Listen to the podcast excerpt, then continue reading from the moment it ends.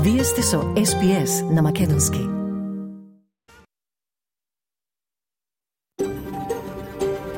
SBS, a world of difference. You're with SBS Macedonian on mobile, online, and on radio. Вие сте со SPS на Македонски на мобилен, преку интернет и на радио.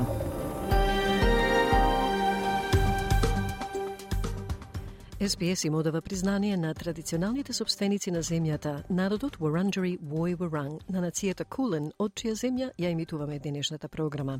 Добар ден, денеска е понеделник 28 август, со вас е Маргарита Василева.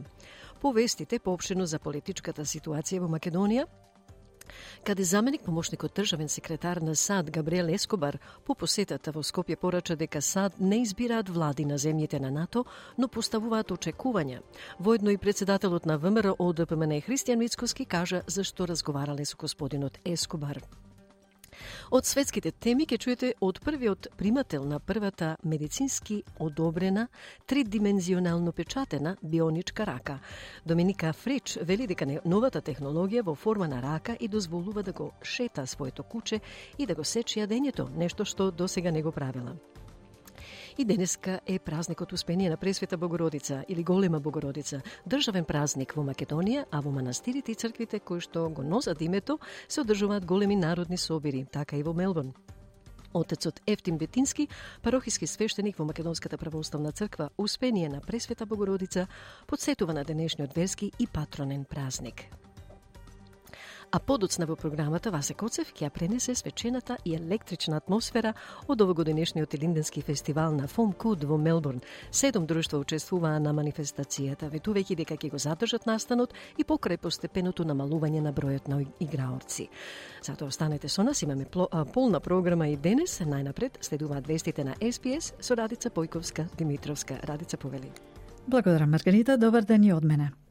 По денешниот билтен спасувачките операции и истрагата се уште се во тек по паѓањето на авионот со 23 американски маринци во близина на брегот на северната територија.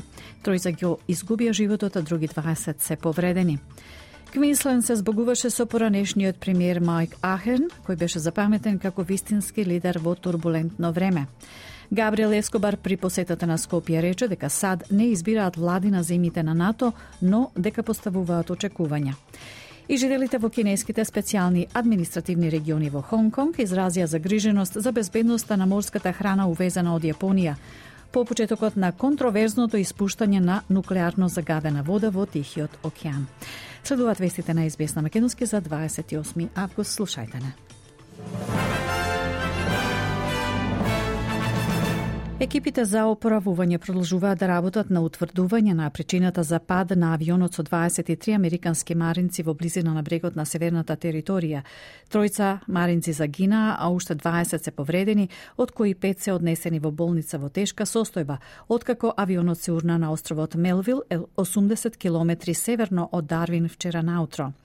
Главната министерка на Северната територија, Наташа Фаус вели дека сите ресурси се распоредени за да се обезбеди локацијата на тој трагичен настан. The site has been secured with Defence and Northern Territory Police on Melville Island, and we also have the Australian Defence Force along with defence personnel from the US that were participating in the exercise have stood up a response. Additionally, I have kept the Prime Minister and the Deputy Prime Minister updated And I have also reached out to the United States consul. We wanted to make sure they knew every resource in the territory was focused on this tragic event. Амбасадата на САД во Австралија во сообштение вели дека е благодарна на австралиските спасувачки екипи и изрази длабоко сочувство до семејствата и пријателите на жртвите. Квинсленд се збогуваше со поранешниот премиер кој беше запаметен како вистински лидер на турбулентно време и чии реформи ја оставија државата на подобро место. Политичките личности од минатото и сегашноста му се придружија на семејството на Майк Ахер на државниот погреб на Sunshine Coast. Тој почина пред две недели на 81 годишна возраст. Премиерката Анастасија Палаше и лидерот на опозицијата Дейвид Крисафули, гувернерката Дженет Јанг и лидерот на сојузната коалиција Питер Датон беа меѓу многу бројните присутни на службата. Примерката на Квинсленд му даде почит на својот предходник, посочувајќи дека тој бил политичар, како што рече, пред своето време, кој се залагал за нови идеи, иновации и социјална правда. We choose our leaders never knowing the storms that will come to test them.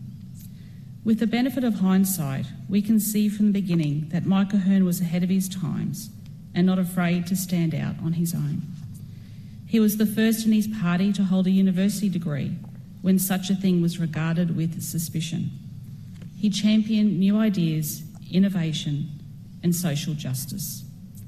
Пристаништето во Тасманија доби зелено светло да биде домакин на бродови со нуклеарен погон, откако доби потврда од Националната агенција за безбедност. Во тримесечниот извештај на Australian Radiation Protection and Nuclear Safety се вели дека персоналот ја завршил работата во пристаништето Хобарт за да се осигура дека може да биде домакин на такви бродови и да реагира во итен случај. Персоналот патува и во Западна Австралија за поседа на две американски нуклеарни подморници. Од телото Австралиска заштита од радиација и нуклеарна безбедност велат дека помагаат да се надгледуваат аранжманите, цитат, за да се осигура дека австралиската јавност и животната средина се безбедни за време на посетите од бродови на нуклеарен погон. Американски и британски нуклеарни подморници ќе започнат почести ротации и посети низ австралиските пристаништа како дел од алијансата позната под името АУКУС. Советот на градот Хобарт предходно изрази антинуклеарен став, а градоначалникот се приклучи на меѓународната кампања за укинување на нуклеарното оружје. 21 лица се уапсени откако полицијата изврши рација во наводно нелегално казино во западниот дел на Мелбурн. Налогот за претрес, што го извршија властите, резултираше со запленување готовина, дрога и маси за игри.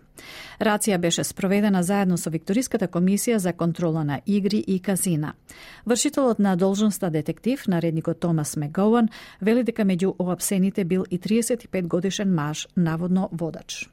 A person in custody is, is um, being interviewed by investigators for their involvement in, in uh, coordinating and running this event. And what, what is he likely to be charged with, and um, what are some of the penalties associated with that? Yeah, there, will be um, offences under the Gambling Regulation Act. Um, depending on the conclusion of the investigation, that'll be under consideration. Полицијата вели дека се знае дека нелегалните казина се поврзани со организиран криминал, тврдејќи дека оваа операција била фокусирана на нанесување удар на овој вид активност. Австралија како единствена либерална демократија во светот која нема повелба за права, треба итно да донесе сојузен акт за човекови права, беше кажано за време на истрага. Парламентарниот мешовин, мешовит комитет за човекови права во петокот 25 август расправаше за потребата Австралија да донесе закони за да се обезбеди отстранување на кршењето и злоупотребата на човековите права. Неколку застапници за правата на бегалците и барателите на азил рекоа дека без таков чин Австралија останува необичен исклучок на меѓународната сцена. Австралија е една од редките западни нации што не поставува временски ограничувања за имиграцијски притвор. Според нови податоци, лицата кои се пред пензија, а кои поседуваат собствен дом, сега ќе треба да заштедат околу 16.000 долари повеќе во пензијскиот фонд отколку, отколку пред една година. Super Consumers Australia го става инфлациското влијание меѓу 3 и 8% според проценките од пред нешто повеќе од една година. Тоа значи дека на просечниот австралиски собственик на дом на возраст од 55 до 59 години сега ќе му требаат 317.000 долари за да може да се пензионира удобно. Но истражувачот за пензиски фондови Шант Вест вели дека силните корпоративни резултати помагаат да се намали влијанието. Според директорот на Super Consumers Australia Ксавиер О'Халоран, од друга страна пензиските фондови пак испорачале сосема добри приноси во текот на минатата година.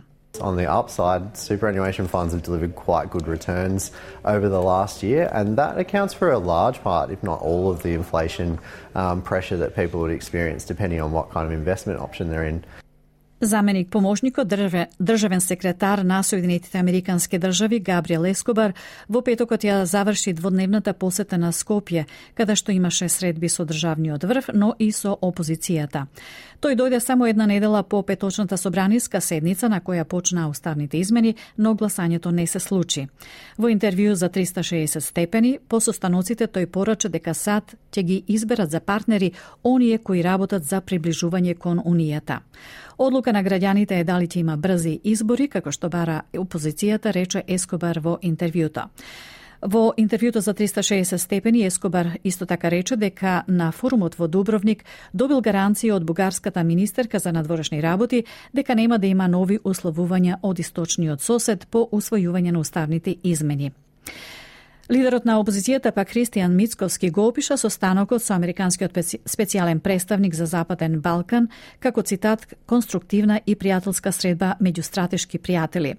Мицковски рече дека на средбата објаснил зошто ВМРО ДПН е против како што ги нарече уставни измени под бугарски диктат, но и дека ја разобличил власта во незините цитат лажни обвинувања дека опозицијата е против европските интеграции. Јужноафриканскиот преседател Кирил Рафамоса и кинескиот лидер Кси Джинпинг ко преседаваа на тркалезната маса меѓу Кина и Африка во четвртокот во Јоханесбург на маргините на самитот на БРИКС.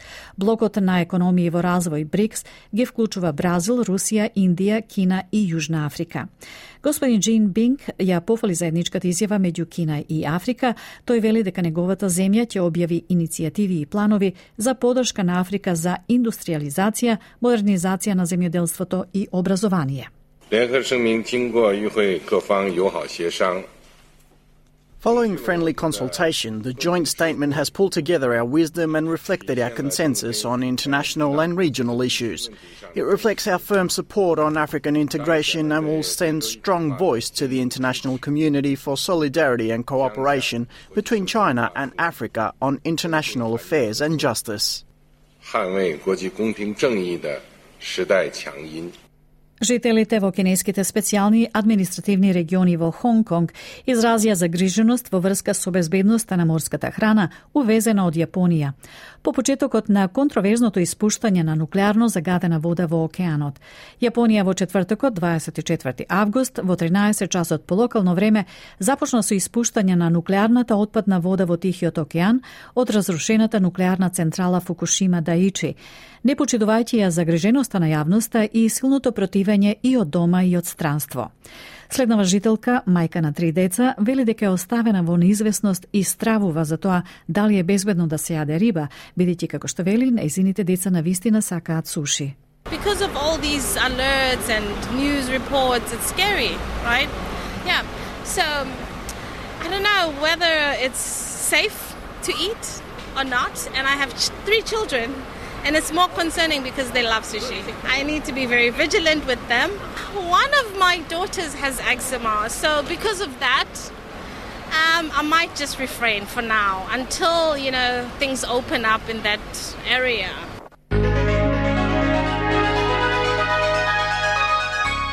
Од најновата курсна листа, денеска еден австралиски долар се менува за 0,59 евра, 0,64 американски долари и 36,22 македонски денари, дотека еден американски долар се менува за 56,57 македонски денари, а едно евро за 61,06 македонски денари.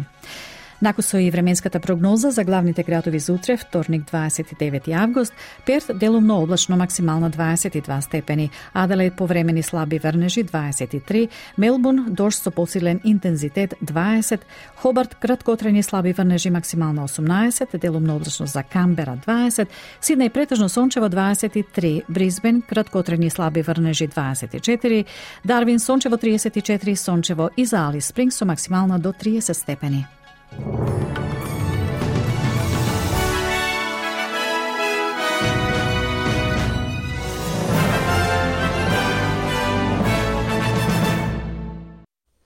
Благодарам, Радица. Денешниот билтен вести на СПС со Радица Бојковска Димитровска ќе биде достапен на нашите веб и фейсбук страници малку подоцна во денот, заедно со комплетната програма.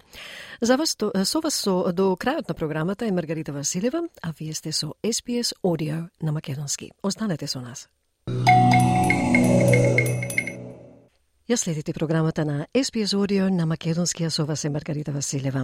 Извештаот од Македонија денеска покрива повеќе теми, во него се вели дека Соединетите Американски држави ги гледа како партнери оние кои што се посветени на европската интеграција, НАТО и на борбата против корупцијата, порача Габриел Ескобар по посетата во Скопје. Председателот на ВМРО ОДПМН Христијан Мицкоски изјави дека го искажале ставот на партијата и уште еднаш потврдиле дека ВМРО ОДПМН не прифаќа уставни измени под бугарски диктат. ВМРО ДПМН реагира на понудата на првиот вице-премиер Артан Груби и велат се покажа кој ја води владата, Ковачевски е заробен премиер од ДУИ. Затворен цитат. Потоа има извештај за спектакуларен концерт на Симон Трпчевски како најава за турнејата по Балканот. Потоа со манифестацијата Мостови завршија 62-тите струшки вечери на поезијата и се одржа Охридскиот пливачки маратон. Новие теми денеска од Македонија известува Милчо Јовановски.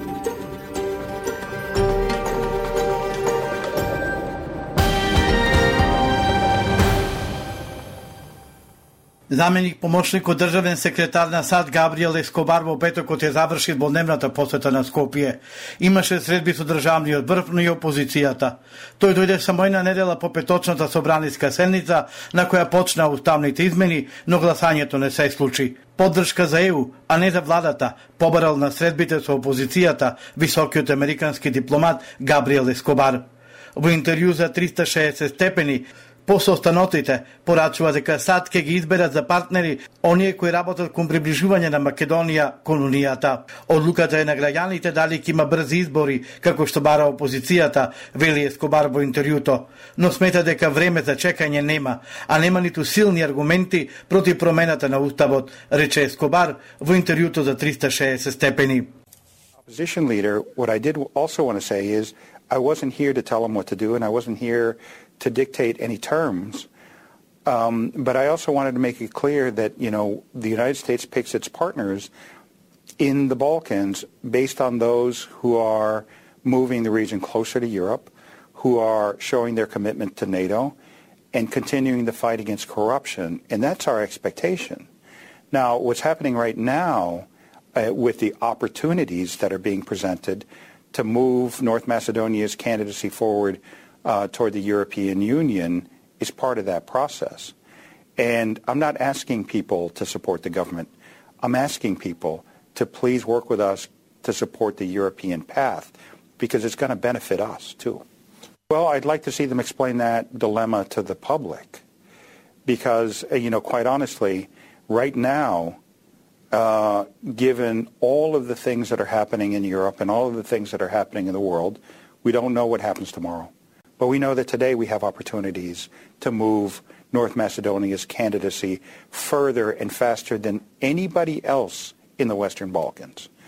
So from a, um, a, fr- a perspective of a friend, of a close friend, we'd like to see North Macedonia get past this hurdle and start defining itself by its relationship to the transatlantic community, by its relationship uh, to the rest of the world based on its values, and not defined by Bulgaria.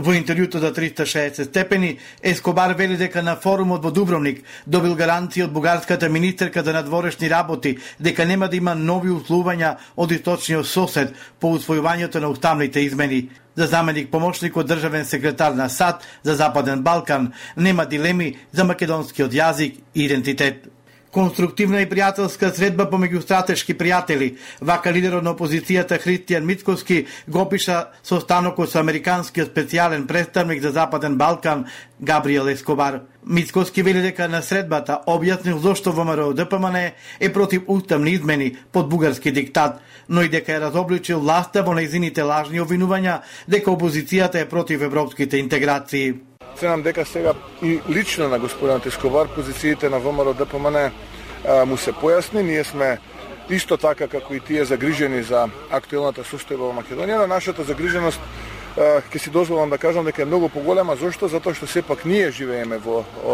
оваа држава, во оваа наша Македонија. Го делиме секојдневието, се бориме да го промениме тоа секојдневие и да, значајна ни е соработката со сите наши стратешки партнери, соработката со меѓународната заедница, но најголем приоритет има има квалитетот на животот на нашите сограѓани и состојбата во која нашите сограѓани живеат во Македонија. За да тоа се спромени на подобро, потребни се предремени парламентарни избори, бидејќи оваа влада секако има кредибилитет нула и единствената а, платформа и единствената политика која што имаше, а тоа беше прифаќање на, на бугарскиот диктат, им се удри во зид, видовте, немаат две третини, немаат 80 пратеника, и не постои ниту една друга сврзна точка која што на нив би им била оправдување да останат ден повеќе таму каде што се. Портпаролот Дарко Каевски од владеачката СДСМ се уште смета дека и посредбата со Ескобар, лидерот на опозицијата Мицковски, води антиевропска политика. Антиевропското делување на Мицковски и ДПМН е на директна штета на граѓаните и државата.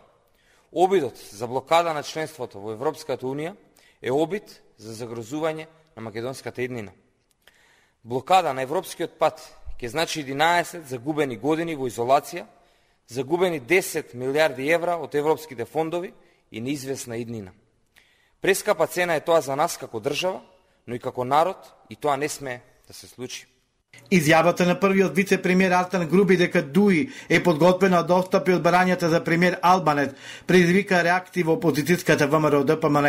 Од партијата на Мицковски преку сообштение вела дека со ваквата изјава потврдиле дека владата ја води Алија Хмети и Дуи.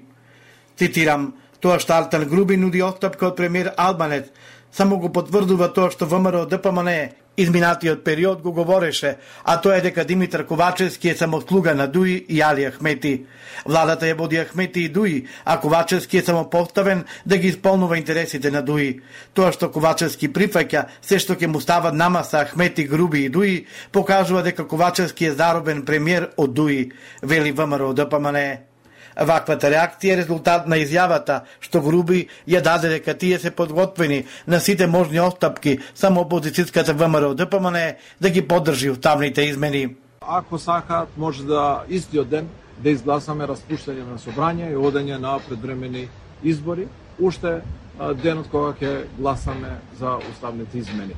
Исто така сме подготвени, како што кажавме, да дадеме сите оставки, дадовме веќе, ги поднесовме до премиерот, да се откажеме и од прв албанец премиер на владата на Република Македонија, само за да ја видиме нашата држава за члената во Европската Унија. А вице-премиерот за европски прашања Бојан Маричич во интервју за Сител рече дека е важен овој момент за да се искористи волјата на Европската Унија преку пакет да се зачнат неколку држави во ЕУ. Ние го нудиме тој план, да гласаме веднаш под услови под кои што ВМРО ДПМН е бара, но да бидат реални. Да не влегуваме во нереални условувања за тоа што би направила Бугарија, што би направила Европската Унија. Ние даваме шанса на процесот на разговори. Затоа е овој прекин во помеѓу дискусијата и гласањето. И таа шанса ќе искористиме и јас сум убеден дека ќе успееме. Вице-премиерот за европски прашања Бојан Маличич престојува во Словенија, каде учествува на Блецкиот стратешки форум, кој годинава е со наслов Солидарност за глобална безбедност пред официјалното отворање на форумот од страна на Тања Фајон, заменик председателката и министерката на дворешни и европски прашања на Словенија, Маличич заедно со премиерот Димитар Ковачевски остварија билатерални средби со председател на Европскиот совет Шал Мишел и специјалниот представник на ЕУ за Западен Балкан Мирослав Лајчак. О новата академска 2023-2024 година повторно ќе функционира лекторатот по македонски јазик при факултетот за трански јазици на Универзитетот во Тирана. Веста ја објави председателот на Македонското друштво Илинден Никола Ѓурѓај. Вели дека ова историски ден за македонците во Република Албанија. Лекторатот кој функционираше до пред десетина години, поред Ѓурѓај, имал по 30 студенти, а интересот бил многу поголем со поетското читање мостови и врачувањето на наградите Златен Венет, браќа Миладиновци и мостови на Струга, синоќа на мостот на поезијата и свечено се затвори 62-то издание на Меѓународниот поетски фестивал Струшки вечери на поезијата. Награди им беа врачени на годинашниот лауреат и добитник на Златниот венец, македонскиот поет Влада Урошевич, на добитникот на наградата Мостови на Струга, Гевин Бредли и добитникот на наградата Брајка Миладиновци за 2023 Димитар Башевски на фестивалот Рушки вечери на поезијата, кој годинава се одржуваше под мотото чувствотворен јазик, настапија повеќе од 25 странски и 40 домашни поети од постарата, но и од помладата генерација.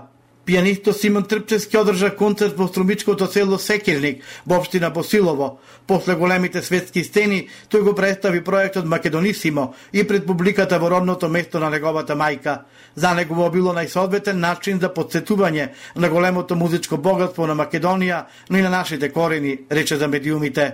Со ова, Симон Трпчевски официјално ја стартуваше балканската турнеја на Македонисимо, што ќе трае до октомври, а ќе ги вклучи на стапите во Хрватска, Србија, Словенија, Црнагора и Романија.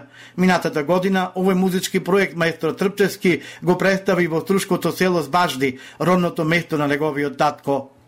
Како покровител на Охридскиот пливачки маратон, председател Стево Пендаровски во саботата на целта ги пречека пливачите на 36-тиот маратон. Во машка конкуренција годинава, прв до целта стигна Алесио Окимпинти од Италија. Патеката долга 25 километри ја исплива за 4 часа 53 минути и 14 секунди, со што по 7 години го постави новиот рекорд на Охридскиот маратон. Каролин Жуис од Франција е победничка во женска конкуренција. Осветинаум до Кео на пливаше 5 часа 5 минути и 59 секунди. Маратонот и годинава започна од манастирскиот комплекс Светинаум, а заврши во центарот на Охрид. Пливачката патека Климе Савине долга 25 километри. Инаку првиот официјален маратон во Охрид се одржал во 1962 на патеката Пештани, Струга, Охрид. Тоа беше прилогот од Македонија за 28 август со Милчо Јовановски. И доколку барате прилози, посетете ја нашата Facebook страница SPS Macedonian или нашата веб страница sps.com.au косацрта Macedonian. Таму ќе најдете интервјуа и видеоклипови на разни теми. По неколку информативни пораки од SPS ќе преминеме и на обшти теми, а подоцна имаме извештај за Елинденскиот фестивал на Фомкуд во Мелбурн, кој што се одржа минатиот викенд. Останете со SPS Аудио на македонски. Слушате SPS Audio на македонски, а со се Маргарита Василева. Една 25 годишна жена од Германија стана ран примател на првата медицински одобрена тридимензионално печатена бионичка рака во светот. Доминика Фрич вели дека раката и дозволува да прави едноставни работи како што е да го шета своето куче. Од прилогот на Сам Дова и Пеги Джакомелос за SPS News.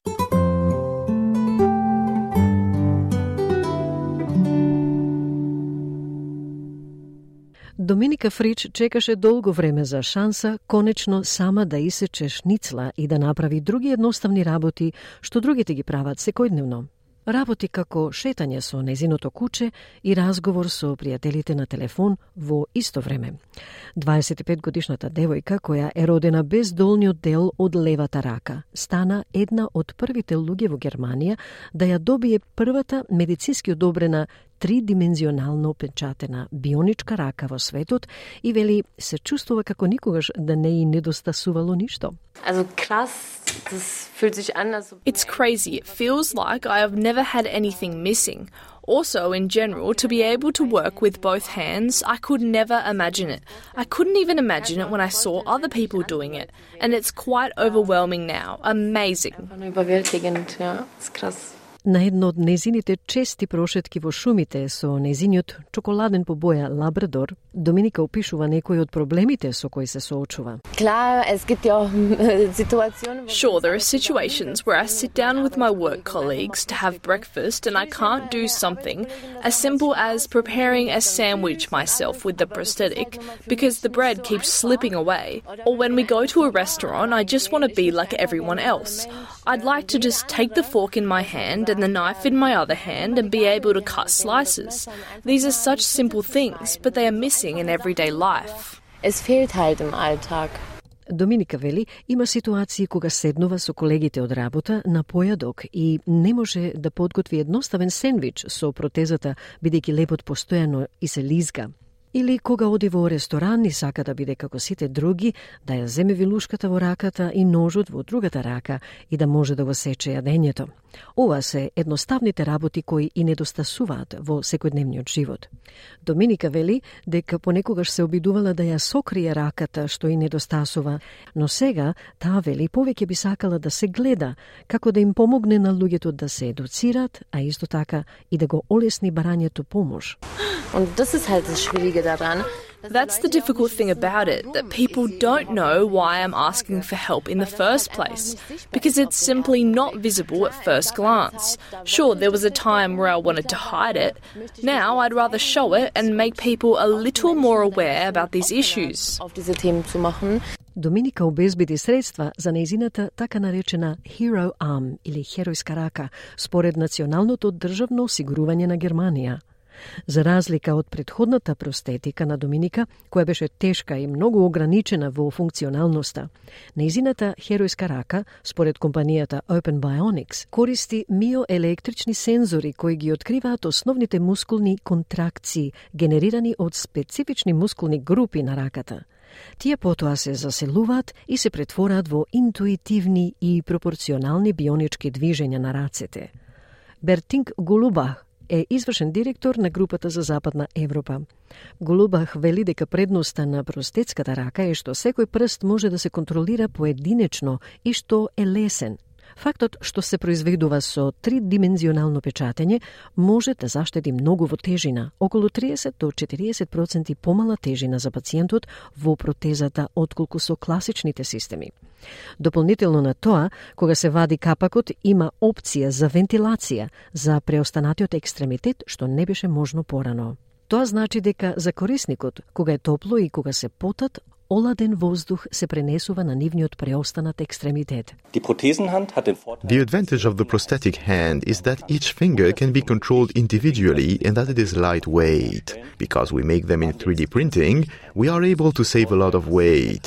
You have to imagine that there is about 30 to 40% less weight for the patient in the prosthetic than with a classical system. And in addition, when you take the cover off, there is a ventilation option for the residual limb, and that was not possible before. This means that the user, even when it is hot, when they sweat, gets cooled air transferred to their residual limb. Open Bionics беше, според компанијата, основана во 2014 година со цел да развие достапни уреди за помош кои го подобруваат човечкото тело.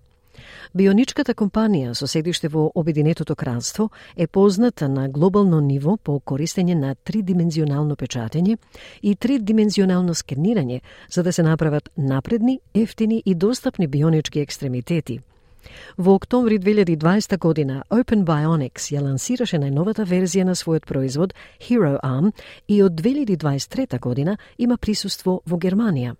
Со новата лесна технологија, Доминика може речеси веднаш да изврши сложени движења како навратување капак на шише – Според неа тоа е возбудливо и впечатливо и додава дека луѓето се добредојдени да разговараат со неа ако се заинтересирани. It's exciting and striking. I've always been an open person. It's not about being the center of attention, but it's just that I'm conspicuous. It's always been like that, but I don't really think it's a bad thing. People are welcome to talk to me if they're interested, how this came about in general, or how I can use it at all, because I haven't seen anything like it before, and I don't think you see it every day. Доминика вели дека се радува на некои едноставни задоволства, како одење на прошетки со незиното куче, сечење на шницла со нож и вилјушка, нешто што не го правела досега. Being at home, I think I will first go for a walk with my dog and try out here how far I can pull him in or how far he can pull me. But just picking up a fork or a knife at home and cutting a schnitzel is something that I haven't done before.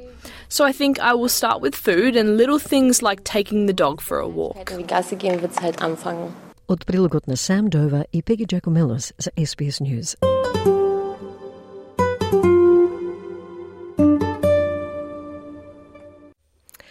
Македонските верници ширум светот денеска, 28 август, одбележуваат уште еден значаен датум во православниот календар, кој што е меѓу 12 големи христијански празници, успение на Пресвета Богородица, а во народот познат како Голема Богородица.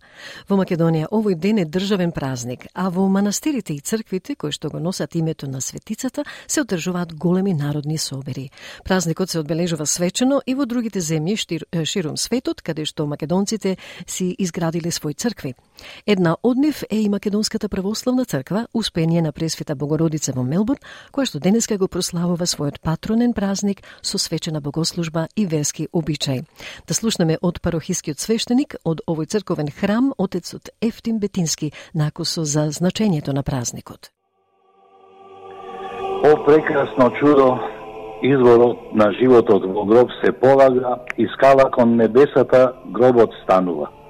Ова се зборови од една црковна песна која што се пее токму на празникот Успение на Пресвета Богородица или кај нашиот народ познат како Голема Богородица.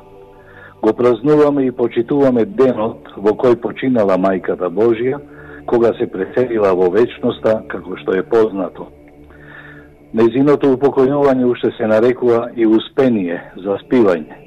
Незината смрт на вистина била чудна и затоа црквата ја слави со оваа величествена песна о прекрасно чудо. На вистина чудесна е мајката на прекрасниот Бог. Прекрасна, чудна, посебна е таа од почетокот на својот живот, па дури до крајот до незиното упокојување. Чудесна е по своето зачнување – испросена од Бога со упорните молитви на незините родители, таа се јавува во светот да постане извор на животот. Таа е чудесна во текот и на својот живот со своите богоугодни дела. Уште почудесна е во својата смрт и затоа црквата пее о прекрасно чудо. Според евангелската благавест, таа се зачнува и се раѓа од неплодни, чисти и свети родители – бидејќи со молитви од Бога испросена, родителите ветиле и уште на својата тригодишна возраст ја носат да живее во храмот и да се воспитува во Господа. Таа останува за секуваш невина, чиста и света. Постанува мајка на Спасителот Господ Исус Христос, негувајќи го своето девство, што го нагласува црковната песна се полага во гроб мртва за да се воздигне на небото уште во третиот ден како жива. И по смртта жива, продолжува црковната песна, се полага во гробот кој постанува скала кон небото. Под гроб овде се подразбира смртта на Света Дева. Незината смрт постанува скала што го открива патот кон небото. Таа на вистина е скала која ги води душите на светите луѓе кон небото. На таа скала има три степеништа – вера, надеж и љубов. Затоа што верата не води и раководи да можеме да го видиме лицето Божио, надежта ми донесува добрини кои око не ги видело, а љубовта пак не приближува кон Бога, изворот и почетокот на секоја чиста љубов. Кои се добродетелите во животот на Мајката Божија? Кој може да ја опише незината чистота, незината светост, незиното совршенство? Еден познат руски проповедник Димитрий Ростовски вели Побрзо ќе ги изброиме цветовите на пролетта, класијето во текот на летото, плодовите на есента, снегулките во зимата, капките во морето и звездите на небото, отколку добродетелите, богоугодноста и достојноста на света Дева Марија. Зарем затоа не пееме, почесна од херувимите и пославна од серафимите. Еве, овие највисоки и небојни добродетели воздигнале света Дева Марија од земјата кон небото. Да ги намножиме степеништата на скалата која води кон небото, та и за нас, како за света Дева Марија, гробот да постане скала по која ќе го достигнеме вечниот живот. Амин. За многу години и Пресвета Богородица нека ни биде посредница и застапничка во нашите молитви пред Господа Бога Исуса Христа. Тоа беше дел од подолгиот разговор со отецот Ефтим Бетински за верскиот празник Успение на Пресвета Богородица што го водеше Радица Појковска Димитровска минатата недела. Сите вести и прилози што ги слушнавте во денешната програма на Македонски на SPS Audio, драги слушатели, ќе ги најдете подоцна во денот на нашите веб и Facebook страници. А за било какви прашања или коментари за било кој дел од програмата, оставете порака на Facebook страницата. За крај следува специјална репортажа за Младинскиот и Линденски фестивал на Федерацијата на културно-уметничките друштва во Мелбурн. Вие сте со SPS Audio на Македонски, а со вас е Маргарита Василева. Ни остануваат уште 15 минути. 37-миот Тилинденски фестивал во организација на Федерацијата на македонските културно-метнички друштва ФОМКУД се одржа во саботата во театарската сала на општината на Уитлси во Мелбурн. Седум културно-метички друштва настапија со своите состави, имено Светлост, Амде Тоше, Александар Трети Македонски, Јане Сандански, Гоце Делчев, Никола Карев и Илинден. Нашиот колега Васе Коцев присуствуваше на прославата на македонскиот фолклор и оваа година и за кој го подготви следниот извештај за, за нашата програма на SBS Audio.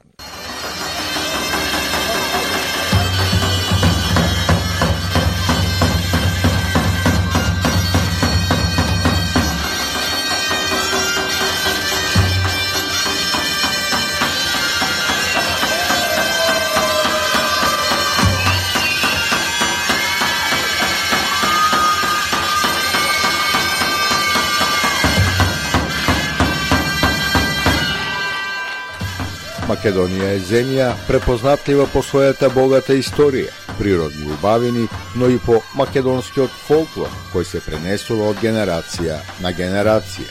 Македонските песни и ора се распространети на сите континенти, каде што живеат македонци. Традицијата на негување и чување на македонското културно наследство во рамките на македонската заедница и успешно представување пред австралиското општество продолжува со одржувањето на традиционалниот Илинденски фестивал во организација на Федерацијата на македонските културно-уметнички друштва на Викторија во Мелбурн годинашниот 37 поред Илинденски фестивал се одржа во пресрет на големиот христијански празник Успение на Пресвета Богородица, а се совпаѓа и со 120 годишнината од Илинденското востание. Фестивалот со настап на сите културно-уметнички друштва од Мелбурн, представени со групи од најмалите па до највозрастните членови, се одржа во Обштинската сала на Обштината Витолси во Мелбурн. Оново се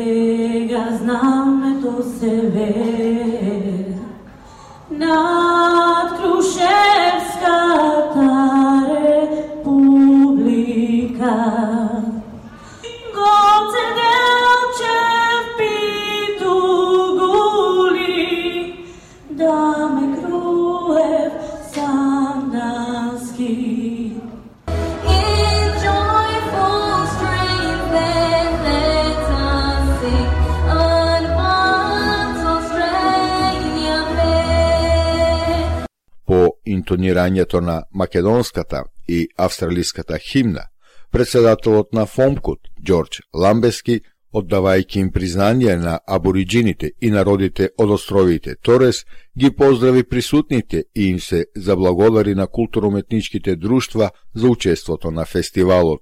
Тој исто така порача дека и понатамо ќе се залагат да ангажираат повеќе членови во овие друштва i da položi tradicijata na čuvanje i na makedonski folklor. Now, it's been said that food brings Italians together, and if that is so, then I believe our traditional songs and dances is what brings us Macedonians together.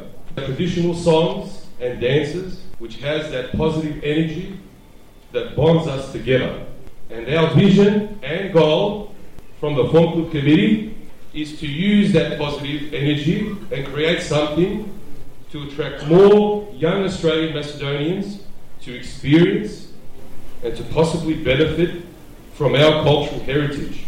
So I hope after tonight, watching the performances of our cultural performers and in the spirit of our how our cultural festivity is conducted, more of our community will see the positive impact we are trying to achieve Иако беше поканен да присуствува, сепак од оправдани причини, на фестивалот не дојде министерот за имиграција и мултикултурни работи на Викторија, господинот Ендрю Джеймс Джилс, но сепак присутните ги поздрави представник од Министерството.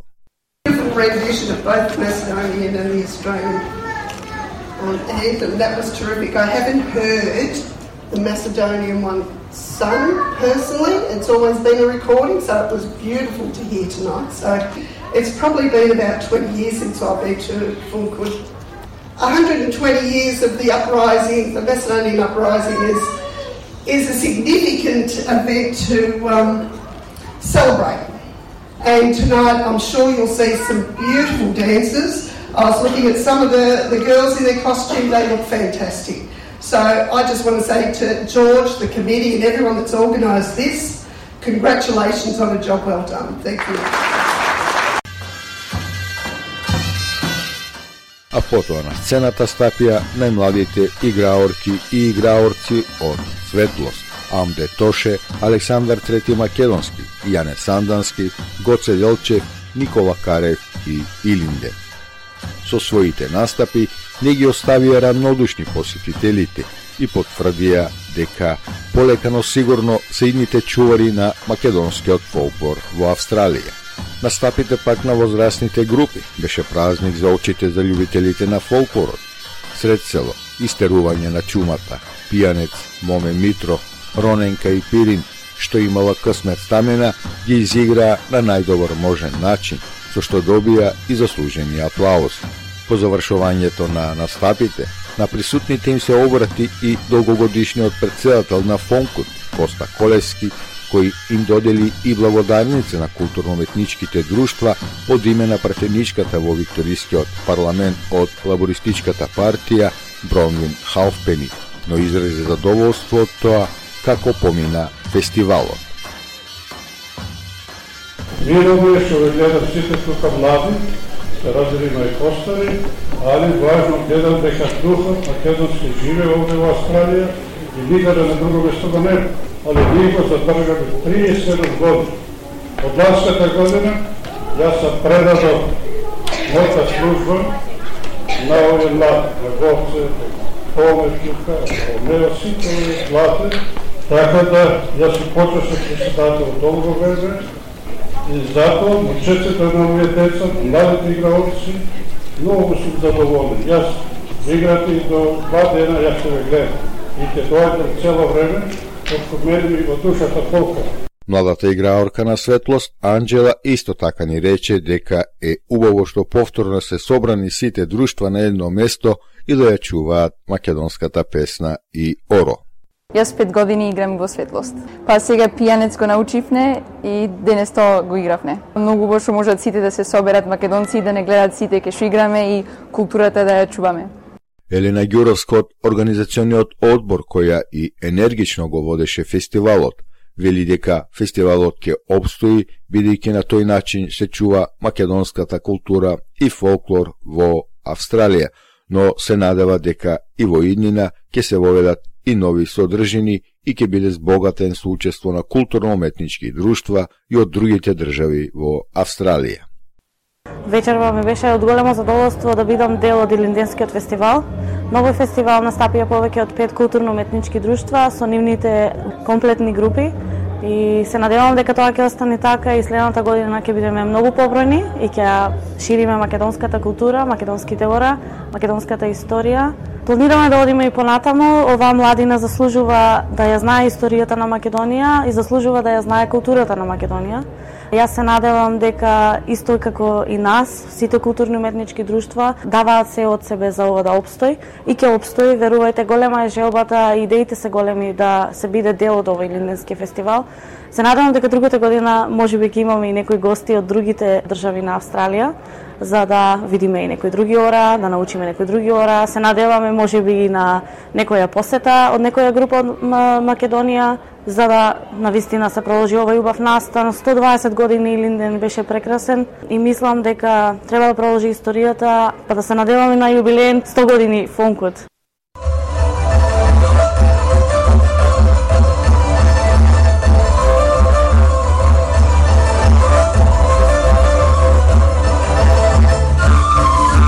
Младите чувари на македонскиот фолклор во Австралија уште еднаш успешно се представија со ората подготвени од кореографите, но и потврдија дека се вистински промотори на македонските културно-уметнички традиции, не само меѓу македонската заедница, туку и пред австралиското општество. И за крај од овој прилог, слушнете и мал дел од изведбата на песната Ако одам во Битола, која е испеа младата Тијана Степановска.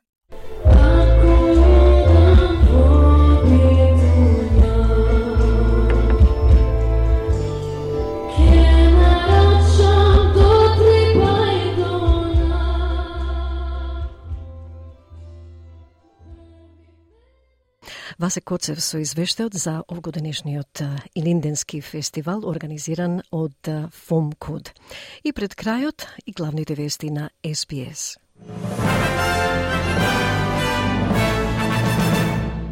Спасувачките операции и страгата се уште се во текот како воен авион се урна за време на вежба во северната територија. Квинсленд се збогуваше со поранешниот премиер Майк Ахерн, кој беше запамтен како вистински лидер во турбулентно време. И Габриел Ескобар при посетата на Скопје рече дека САД не избираат влади на земјите на НАТО, но дека поставуваат очекувања.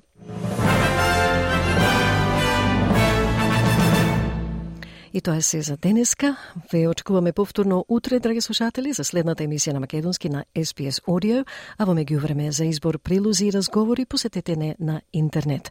Од Маргарита Василева пријатно попладне, честит имен ден на сите што го носат името Марија и до слушање до утре.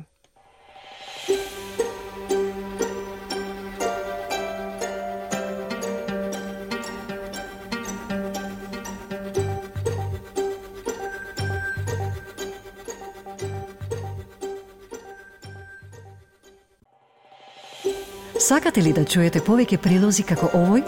Слушате подкаст преку Apple Podcasts, Google Podcasts, Spotify или од каде и да ги добивате вашите подкасти.